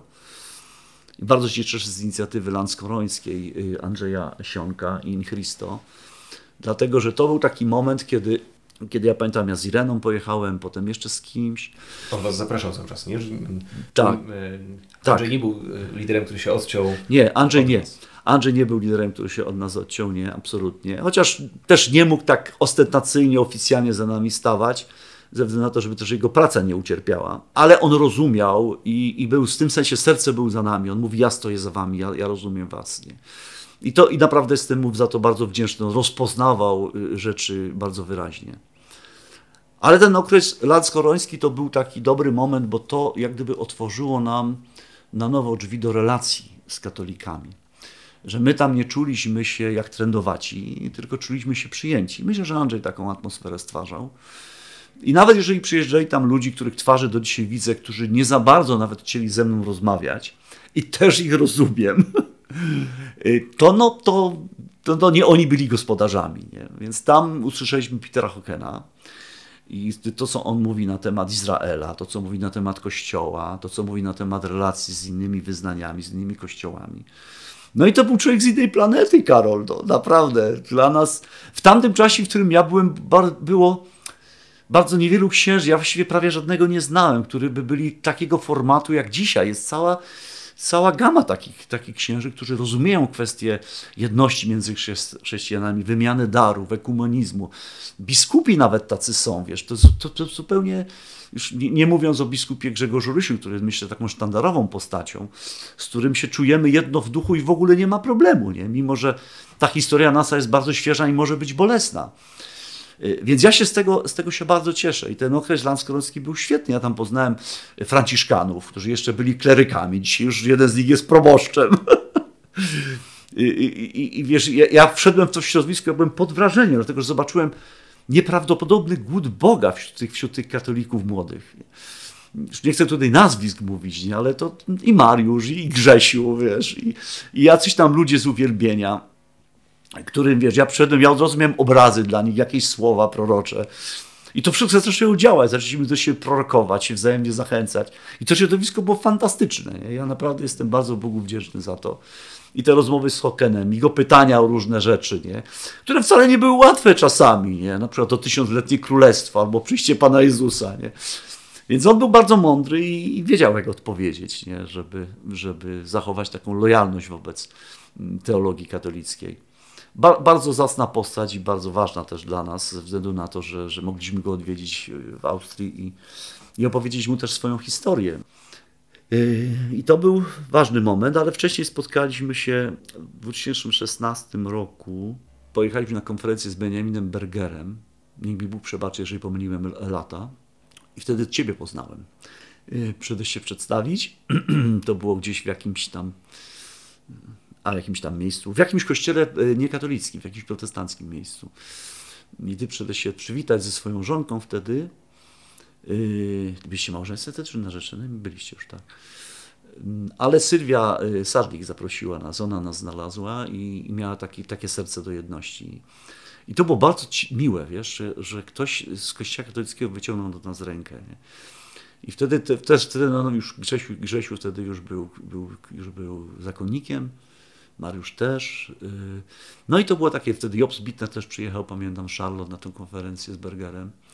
I to, ja pamiętam to spotkanie, bo ono było bardzo dla nas miłe, bo wszyscy jako liderzy zostaliśmy zaproszeni, to było jakby takie otwarcie drzwi, może nie przez duchownego, przez osobę świecką, która miała serce, serce do tego. No i wtedy, i wtedy zaczął się taki bardzo fajny czas, nie? Takiego, jak spotkałem Ciebie i Marcina na konferencji z Czakiem Pearsem, Boże, już nie pamiętam kiedy ona była, w Wiśle. Ja nie wiedziałem, kto to jest Marcin, ale ciebie znałem już wtedy. Ja pamiętam, wtedy miałem taką potrzebę, żeby was pobłogosławić, że wy jesteście tym następnym pokoleniem, żebyście poszli tak, jak Bóg chce, nie, nie tak, jak ja chcę. Nie? Nigdy nie miałem potrzeby nikogo nawracać z kościoła katolickiego, ale żadnego innego. Ale dla mnie to był taki bardzo słodki moment, dlatego że ja wiedziałem, że wy jesteście tym pokoleniem, które wejdzie na jeszcze większą falę i, i przejmie ten sztandar po nas. Nie? I że takie pokolenie jest. W Kościele katolickim jest taki głód Boga, którego nigdy nie widziałem u protestantów. Z całym szacunkiem, drodzy protestanci, jeżeli tego słuchacie, ale katolicy mają głód, którego my nie mamy. My mamy często duże głowy, nie? nabite y, biblijnymi wersatami, ale głód jest tam. Nie? Ja ten głód przeżyłem jako młody katolik nie? i byłem w stanie jeść, gdzie tylko coś dobrego było do jedzenia, każdą literaturę. I, i, i, I to ja najbardziej bardzo cenię ten czas, bo jak gdyby coś się, coś się skończyło, nawet mieliśmy okazję, kiedyś biskup tutaj zmienił, nastał nowy biskup Piotrowski w diecezji kieleckiej, poszliśmy z Jackiem, żeby go odwiedzić, się przedstawić, kim jesteśmy i powiedzieć wprost, jaka była nasza historia. Nie?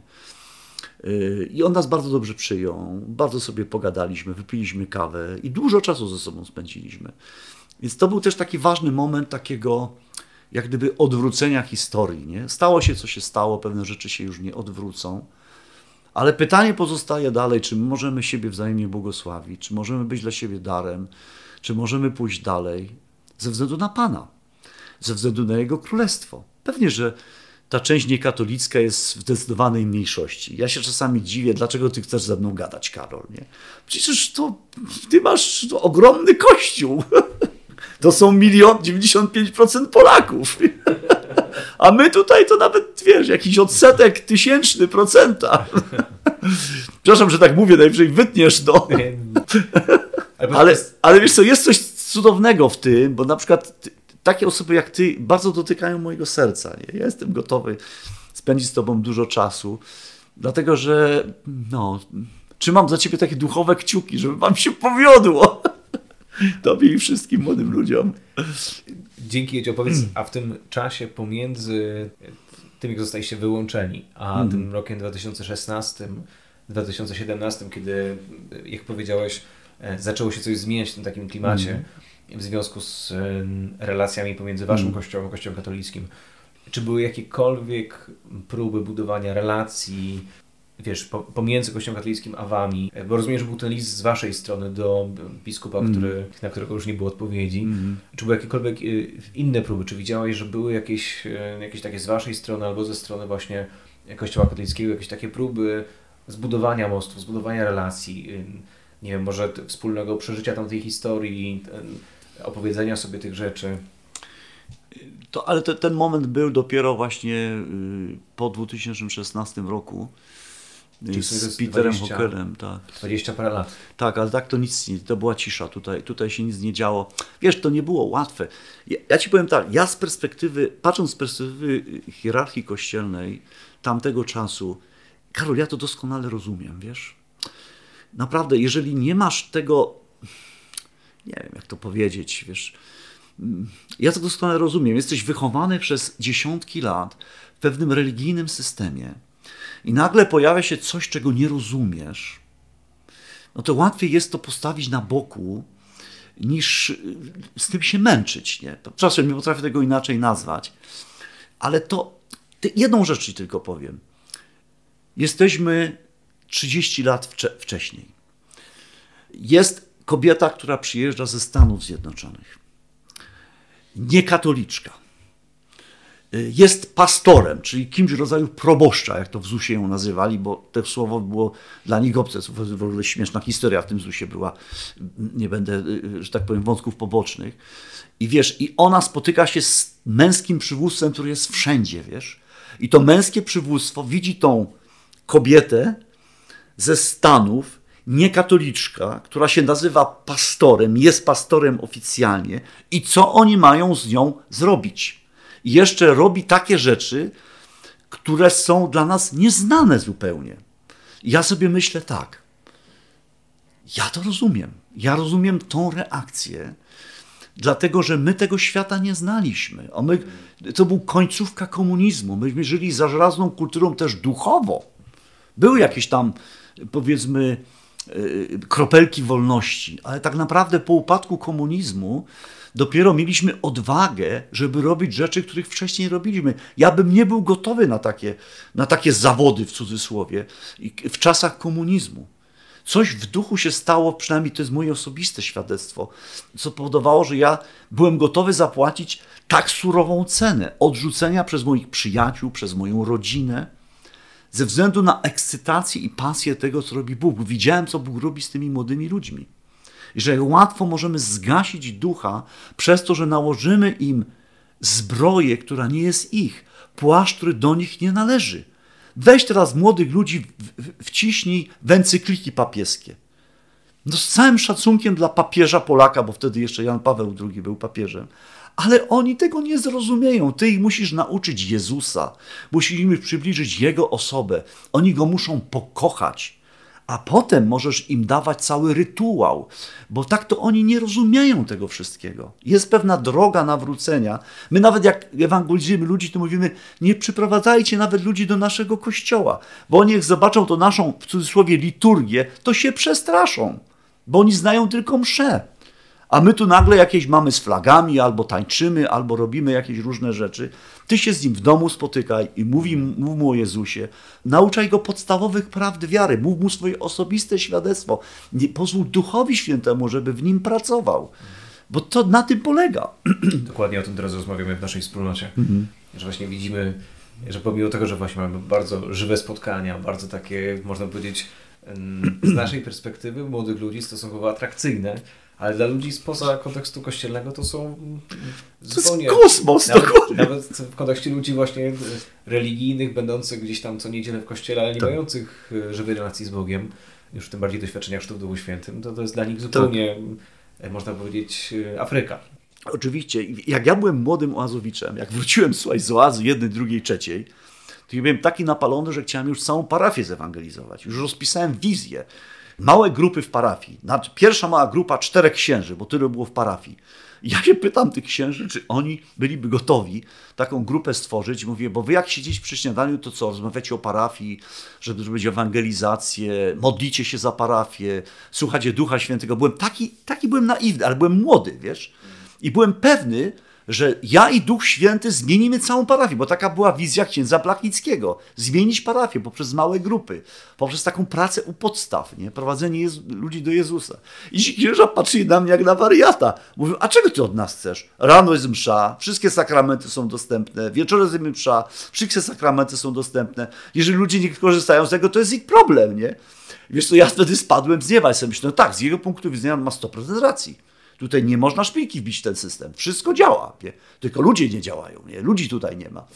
Więc ja byłem taki nagrzany, słuchaj. Potem ten, ten, ten ksiądz wziąłem, ja taki wielki kardon zrobiłem, rozpisałem całą wizję. Dzielni świeccy liderzy, wiesz.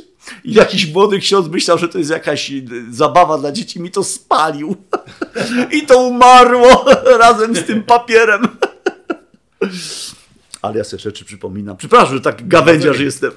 Edziu, a powiedz, użyłeś takiego sformułowania, że takim momentem przełomowym w kontekście relacji pomiędzy waszym mm. kościołem a kościołem katolickim była rozmowa, którą miałeś z księdzem Piotrem Hokenem. Mm. Tak jak wspomniałeś, to, jest, to był wyjątkowy ksiądz, odszedł do Pana w 2017 roku. Mm. Już 4 lata. Już 4 lata, czyli musiał rozmawiać z Wami. To wcześniej, tak. Tuż przed tak. kilka miesięcy, czy kilkanaście miesięcy przed tak, swoim tak. odejściem do Pana. Tak, to był 16 chyba. To był ksiądz, który rzeczywiście mm. miał niezwykłe serce dla, dla wszystkich miałby drzwi otwarte do każdego kościoła tak, chrześcijańskiego, tak. ponieważ zawsze pierwsze, pierwsze co zauważył to pracę Ducha Świętego, którą wykonywał w każdym miejscu, bez względu na denominację, na wyznanie tak, tak. chrześcijańskie, szukał Ducha Świętego i nawet jeżeli pewne rzeczy były gdzieś tam, tak jak powiedziałeś, były tak. cytrynami, a nie jabłkami, e, to był gotowy zatrzymać się i słuchać Ducha Świętego, zadawać, zadając mu pytanie, czy czasem, aby nie jest to coś, co jest już takim zwiastunem e, jakiejś jego pracy. Czyli rozumiem, że mieliście tam jakieś spotkanie w Austrii. Czy mógłbyś powiedzieć, jeżeli oczywiście jesteś w stanie, mm -hmm. parę słów więcej, dlatego że myślę, że mnie samego interesuje jego postawa i to, co on zrobił, kiedy usłyszał Twoją historię. My mieliśmy wcześniej oczywiście kontakt, bo to Lance Corona trochę spowodowała, że my, no, że my się znaliśmy i, i chociaż ja nie znam angielskiego, ale zawsze była możliwość, żeby z nim chociaż chwilę porozmawiać. W 2016 roku prawdopodobnie ktoś wspomniał o tej historii naszej księdzu Hoganowi. W każdym razie poprzez różne tak okoliczności doszło do tego, że umówiliśmy się, że przyjedziemy do Austrii tam do niego, po to, żeby spędzić z nim czas i żeby się razem modlić, żeby opowiedzieć też naszą historię, bo on był bardzo zainteresowany, żeby tą historię usłyszeć od nas. Więc myśmy w czwórkę tam pojechali, Irena, ja, Jacek i Mirek, czyli to przywództwo takie, które się wykształtowało potem w wieczorniku. Oni zapytali, czy my moglibyśmy przyjechać tam, żeby spędzić trochę czasu y, u nich, tam jakieś, nie wiem, dwa czy trzy dni. Y, I żeby to ze sobą przebywać, żeby się modlić, żeby się dzielić w ogóle rzeczami, które mamy w sercu. I między innymi opowiedzieć tą naszą historię tak na spokojnie, żeby mieć dużo czasu na to. Więc my tam pojechaliśmy, bo dla nas to był bardzo ważny moment bo to już był duchowny, to już nie była osoba świecka, co jest ważne w kontekście Kościoła rzymskokatolickiego. Y, wprawdzie nie polski duchowny, ale to był duchowny. I to duchowny o wielkim wpływie i bardzo znacząca postać. I chwała Bogu, że ktoś go ściągnął do Polski, już nie pamiętam kto był, czy to był Andrzej, czy ktoś inny. I, I my mieliśmy okazję, poza innymi rzeczami, które tam robiliśmy, mieliśmy okazję y, tą historię opowiedzieć. Nie? Tak jak to wyglądało z naszej strony. Tak jak ci to opowiadam, nie? mniej więcej. Może więcej szczegółów było, bo, bo, bo była nas czwórka, więc jeden pamięta to, drugi tamto. I po tym naszym dzieleniu wszyscy ci duchowni padli na kolana i zaczęli z płaczem przepraszać Boga za to, co się wydarzyło. Słuchaj, my razem z nimi płakaliśmy, bo tak nas to dotknęło. To był tak nieprawdopodobny moment, jakby w niebie coś się otworzyło. Bo to było po raz pierwszy, że człowiek konsekrowany przepraszał za to, co się stało z wieczornikiem. Z całym respektem do tego, że my też popełnialiśmy błędy, ale ten moment był na tyle ważny, że to, był, że to było po raz pierwszy właśnie w tym 2016 roku. Ja mam to gdzieś spisane w swoich notatkach, ale mam dużo tych kalendarzy, bo dużo lat mam. Więc gdzieś tutaj czuliśmy, jak gdyby coś się, coś się w duchu stało, co otworzyło drzwi do Kościoła katolickiego w sensie takich, takich relacji z ludźmi. Nie? One były już trochę uchylone, ale to był bardzo ważny moment, bo myślę, że ważne jest, wszystko jedno, my też dużo pokutujemy za różne rzeczy z historii, nie tylko związane z nami, ale też na przykład z Żydami. I wiemy, jak, jaki to czyni przełom. Mamy potężne świadectwo pokuty, nawet za nie swoje grzechy. Bo ksiądz Peter Hocken i, i chłopaki, tam, oni nie za swoje grzechy pokutowali. Przecież oni tego nie zrobili. Oni byli y, młode chłopaki w tamtym czasie, nie? dzieci prawie chyba jeszcze. E, ale oni w tym sensie byli gotowi wziąć odpowiedzialność. I powiem szczerze, to jest coś, co, co ja tylko mogłem pomarzyć, że coś takiego kiedykolwiek się wydarzy. Edziu, chcę Ci zadać jeszcze jedno pytanie. Dawaj, bo może coś nie powiedziałem. Nie, takie bardzo, też takie osobiste. Dzisiaj widzisz, jak wygląda Kościół katolicki dziś.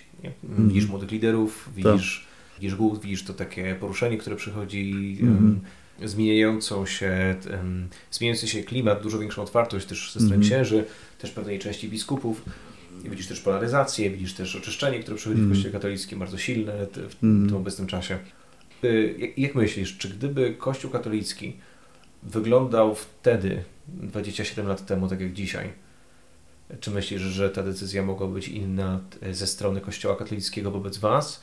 I czy myślisz, że mogła być inna ze strony Waszej co do gotowości bycia w tym miejscu dalej? Ja myślę, że odpowiedź na to jest absolutnie na tak. Y, mój brat, y, który już wtedy był wiele lat księdzem katolickim y, w Niemczech, kiedy ja z nim rozmawiałem właśnie po, tym, po tej ekskomunice, a on mówi, słuchaj, gdyby taka wspólnota jak Wieczernik powstała w Niemczech, mówi, to każdy biskup by ci tu dał, dał, co byś chciał tak naprawdę. Mówi, dałby ci budynki, dałby ci pieniądze, żebyś tylko pozyskał młodzież dla Pana Jezusa. Mówi, tak jak wy to robicie. Ale mówi, ja rozumiem, klimaty polskie są troszeczkę inne, a klimaty kieleckie są jeszcze inne niż w innych regionach Polski. Ty ewangelizujesz młodych ludzi, robisz dokładnie to samo, co my robiliśmy, prowadzisz ich do Jezusa. Ty nie wymyślasz nie wiadomo czego, nie? jakichś nowych doktryn, jakichś nowych ruchów czy czegokolwiek. Ja błogosławię Ciebie, żebyś był zawsze tam, gdzie jesteś, nie? żebyś mógł zdobyć ludzi dla Chrystusa, bo tak naprawdę o to chodzi. My to mówiliśmy biskupowi. My chcemy zlubić, zdobyć ludzi do Chrystusa.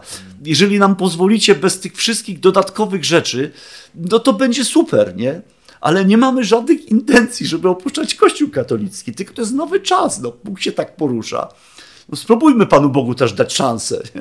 Ale to się nie udało. W tamtym czasie było to za dużo. Przynajmniej w tych tutaj diecezjalnych warunkach kieleckich. Ja nie wiem, jakby było w innych miastach. Może zupełnie inaczej. Edziu, chciałbym Ci podziękować za rozmowę. To naszą. Dziękuję Ci za szczerość e, i za to, że powiedziałeś tak od, od serca te rzeczy, które, które masz w sobie. Chcę Cię prosić, żebyś pomógł mojemu kościołowi, naszemu kościołowi, mm. bo, bo jesteśmy częścią jednego kościoła, Jezusa Chrystusa, żebyś pomógł pomógł moim katolickim braciom mm. w tym, żebyśmy mogli pozyskać jak najwięcej ludzi dla Jezusa mm. i żeby jak najwięcej ludzi mogło przyjść do Niego. Wierzę, że ta historia, którą Bóg rozpoczął parę lat temu w kontekście takiego, takiego pojednania i zwrócenia też w ogóle uwagi jakby jednych i drugich na tą potrzebę budowania jedności, nie z uwagi nawet na nas, ale z uwagi na tych, którzy dziś jeszcze nie wierzą w, Jezusa, e, że ten początek, który miał miejsce, że będzie kontynuowany i że Bóg doprowadzi to dzieło do chwalebnego końca i że będziemy mogli razem e, świętować w Polsce tę jedność między braćmi w zgodności w duchu, w Jezusie, w Jego prawdzie e, i tak naprawdę w poszukiwaniu tych właściwych rozwiązań i właściwej ścieżki, którą On już, On ma, On widzi, a my ją cały czas poznajemy, jesteśmy w drodze. E, Bardzo Ci, Edziu, dziękuję. Ja też, też dziękuję. Ja tylko mogę dodać na koniec, że ja z takimi osobami jak ty, czy bardzo wielu innych w kościele rzymskokatolickim czuję się, że jesteśmy w jednym kościele, wiesz. Że, bo jesteśmy podłączeni do Chrystusa. Ja nie mam w ogóle świadomości jakichkolwiek barier duchowych. My się po prostu rozumiemy często bez słów.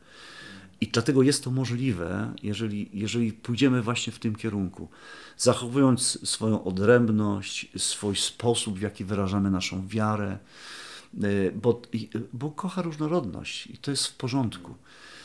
I, I wtedy, kiedy, kiedy tak będziemy postępować, myślę, że coś fajnego dla tego kraju się stanie, dlatego że ten kraj potrzebuje bardzo Boga, a on nie przyjdzie inaczej jak przez swój Kościół. Jeżeli Kościół będzie w jedności, jeżeli będziemy ze sobą współpracować, to naprawdę Pan Bóg wyleje swoje błogosławieństwo według Psalmu 133. Więc możesz powiedzieć wszystkim liderom katolickim, ja też do nich mówię, to, że nie jesteśmy wrogami, to już słyszeliście, ale to, że jesteśmy gotowi służyć Wam tam, gdzie potrzebujecie, tym, czego Bóg nas nauczył przez te ostatnie 30 lat, to my jesteśmy gotowi służyć bez oczekiwania czegokolwiek, ze względu na Pana i ze względu na Jego Królestwo, bo Go kochamy i kochamy też ten kraj. Dziękuję Ci, Edziu, i proszę Cię o modlitwę. Proszę Cię o modlitwę za Kościół katolicki, za moich braci. Proszę Ciebie o to, proszę Twoją wspólnotę, proszę Twoich ewangelicznych braci, żeby ten Kościół był taki, jak mówił ksiądz Franciszek Blachnicki. Aby to był katolicyzm pełny, autentyczny, ewangeliczny i nadprzyrodzony. I aby z historii Twojej i takich jak Twoja, Kościół katolicki mógł wziąć lekcję, która posłuży i katolikom, i niekatolikom w przyszłości, abyśmy stawali się jeszcze bardziej kościołem, jakiego pragnie nasz Pan. Mogę tylko powiedzieć Amen. Dzięki Karolu, bardzo. To, co usłyszałeś, to ważna część tamtej historii. Aby była ona pełna, zarówno ty, jak i ja, potrzebowalibyśmy usłyszeć coś jeszcze perspektywę drugiej strony. Ona jest nie mniej ważna. Za tydzień w czwartek będę chciał odnieść się do tej historii. Będę chciał ją też trochę skomentować, uwzględniając również inne głosy i perspektywy, które trafią na moją pocztę. Jeśli chciałbyś podzielić się swoimi refleksjami, napisz do mnie karol.glosnapustyni.pl w tym miejscu chciałbym też podziękować wszystkim osobom, które, czy to poprzez swoją modlitwę, czy finanse, umożliwiają nam podejmować kolejne nagrania i kolejne inicjatywy na rzecz pojednania. Jeśli chciałbyś stać się częścią tych działań, zapraszam Cię na stronę niewszystkojedno.pl oraz do naszych mediów społecznościowych. Tymczasem ciepło Cię pozdrawiam i do usłyszenia w kolejnym tygodniu. Shalom.